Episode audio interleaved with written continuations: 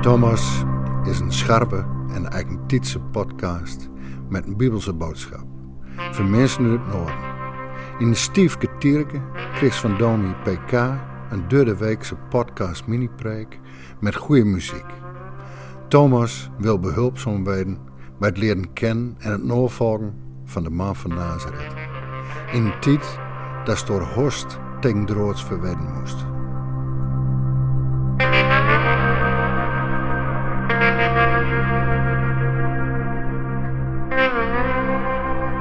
Zou jij de wereld willen verbeteren? En zo ja, wat zou je dan willen veranderen en hoe zou je dat aan willen pakken? Ik vraag het omdat uit onderzoek blijkt dat voor een groeiende groep jongeren de toekomst van de aarde en de klimaatproblemen hun grootste zorg is. Enkele van hen laten dat ook voor een groot publiek weten.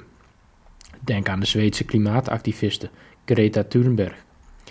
Zij raakte bekend toen ze besloot om elke schooldag te staken en met een spandoek buiten het Zweedse parlement aandacht te vragen voor de dreigende klimaatverandering. Maar denk ook aan onze landgenoot Bojan Slat. Hij is al vanaf zijn zestiende bezig met het opruimen van de plastic soep. In 2012 startte hij het project The Ocean Cleanup met als doel om 90% van alle plastic uit de oceaan te vissen. Maar gaat het deze jongeren met hun acties lukken om de aarde te redden van de ondergang? Zijn zij opgewassen tegen de belangen van wereldleiders, techreuzen en oliegiganten?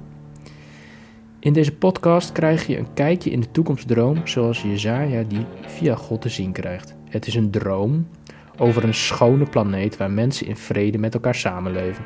Je gaat ontdekken dat er meer nodig is dan milieuactivisme, anderhalf meter afstand of een doe eens lief campagne van de overheid om die droom werkelijkheid te laten worden. Deze droom wordt pas werkelijkheid wanneer jij en ik gaan leven in het licht van de Heer.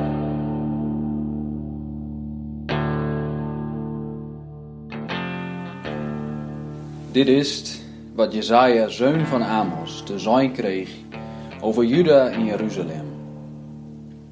Aan het eind van doden zelt het er zo aan touw. Baag door de Heer zijn hoes opstuit, zal vaststaan als een rots. Hoger wezen als al aan de bagen, uitsteken boven alle heuvels. Volgens het mol komt er over touw. Ze zeggen, kom, laat ons optrekken naar baag van de Heer, naar het hoes van God van Jacob.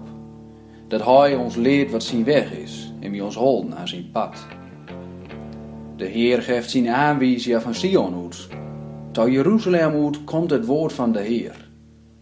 Hij zal recht gelden laten bij de volken in staakste noties terechtwijzen.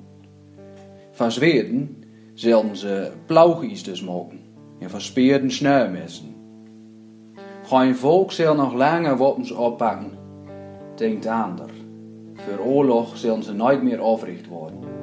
Kom nou, nozoten van Jacob.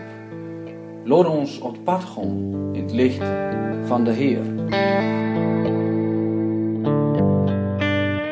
Het is een fijne droom. Jezaja ziet hoe Jeruzalem in de toekomst het levende centrum zal zijn van een nieuwe wereldorde. God woont daar in de tempel die stabiel op de steile rotsen van de allerhoogste berg op aarde staat en alle mensen komen daar als pelgrim naartoe. De mensen kunnen daar bij het altaar herstel, vergeving en bevrijding ontvangen en gaan wereldwijd duurzaam leven in vrede met God, elkaar en de schepping. Het is een prachtige droom, maar het is wel een droom die volgt op een nare nachtmerrie. De toekomstdroom die Jezaja krijgt, zou namelijk al lang werkelijkheid moeten zijn. Dit is namelijk het perfecte plaatje van hoe God het leven met zijn volk voor zich ziet. Hij als heilige God en zij als zijn heilige volk, Israël als licht voor de volken. Alle mensen zouden als vanzelf meer willen weten van die gelukkige manier van leven en op onderzoek uitgaan. Vervolgens zouden ze die manier van leven in hun land van herkomst implementeren. En zo zou de vrede van Jeruzalem, het goede leven in vrede met God, de naaste en de schepping, viral wereldwijd gaan.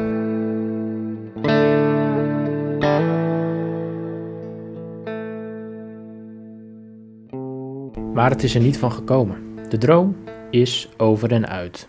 Israël heeft God de rug toegekeerd en zoekt zijn vertrouwen in lijstverbindingen met buurlanden. waaruit de goden eerder al waren geïmporteerd. Eigenlijk is het hopeloos wat Jezaja doet. Nog een keer die droom over de missie van God rondbazuinen. Wat wil hij daar nu nog mee bereiken? Maar let goed op wat Jezaja doet. Hij voegt iets onverwachts en ongebruikelijks toe als de droom uit is. Vers 5. Het is een oproep die je normaal gesproken niet in dit soort toekomstdromen tegenkomt. Hij eindigt, heel bijzonder, met een voorwaarde. Als je dat gaat doen, heeft die toekomstdroom toch nog kans van slagen. Blijf dromen, blijf geloven in Gods missie voor deze wereld. Het kan nog steeds. Hij wil nog steeds, via jou, zijn liefde, trouw en recht, het goede leven uitstralen naar de rest van de wereld. Maar, en nu komt het, dan moet je wel gaan leven in het licht van de Heer. Dat is waar Jezaja 66 hoofdstukken lang naar op zoek is. Mensen, naar jou, of je wilt leven in het licht van de Heer, zodat de klimaat- en vredesmissie van God met deze wereld toekomst heeft.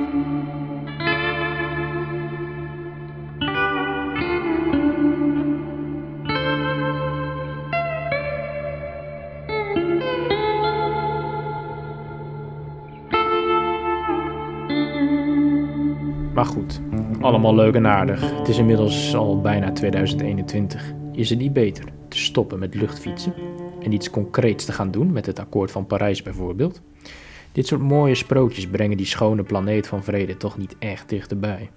Ik bedoel, wat is er in de tussentijd veranderd? Of beter, wat is er verbeterd? Of, om het met de beelden van Jezaja te zeggen, er worden nog altijd meer ploegijzers omgesmeed tot zwaarden dan zwaarden tot ploegijzers. Toch is er echt wel iets gebeurd in de tussentijd. Het is een nieuw begin. Christenen geloven dat Jezus uit Nazareth de missie van God, waar Jezaja over droomde, nieuw leven heeft ingeblazen. Wat de knecht Israël niet lukte, lukt deze knecht wel. Heilig leven in perfecte gehoorzaamheid aan zijn hemelse Vader en in harmonie met zijn naaste en de schepping. Hij stierf en stond op uit de dood. En dat deed hij voor jou en mij. En sindsdien zet hij zijn geest in om zijn manier van leven duurzaam in dat van jou mogelijk te maken. En zo komen vandaag, wereldwijd, mensen samen aan bij het altaar van de hemelse tempel van de Heer. En zo gaat zijn vrede alsnog de wereld over, door mensen die leven in het licht, door Jezus te volgen en steeds meer op Hem te gaan lijken.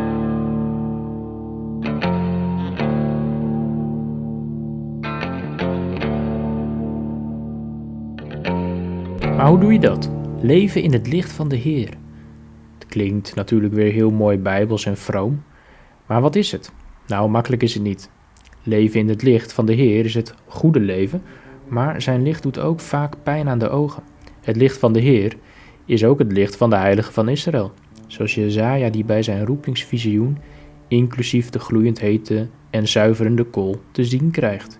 De evangelist Johannes zegt een paar eeuwen later dat Jezaja toen Jezus als koning zag zitten op de troon. Dus ook vandaag geldt voor jou dat je als volgeling van Jezus voor die koning heilig mag leven. Dan wil je niets te maken hebben met het kwaad in deze wereld. En dat werkt door tot in alle uithoeken van je leven. De bank waar je lid van bent, de hoeveelheid vliegvakanties, wel of geen refurbished telefoon of wat je wel of niet koopt in de supermarkt. Dat is leven in het licht van de Heer. En Jezus wil je daarbij helpen door zijn geest te geven. En zo kan jij met je manier van leven mensen uitnodigen om de weg naar de berg van de Heer weer te vinden en in te slaan en te gaan leven in het licht. Alleen dan is er echt hoop op een duurzame toekomst voor onze planeet.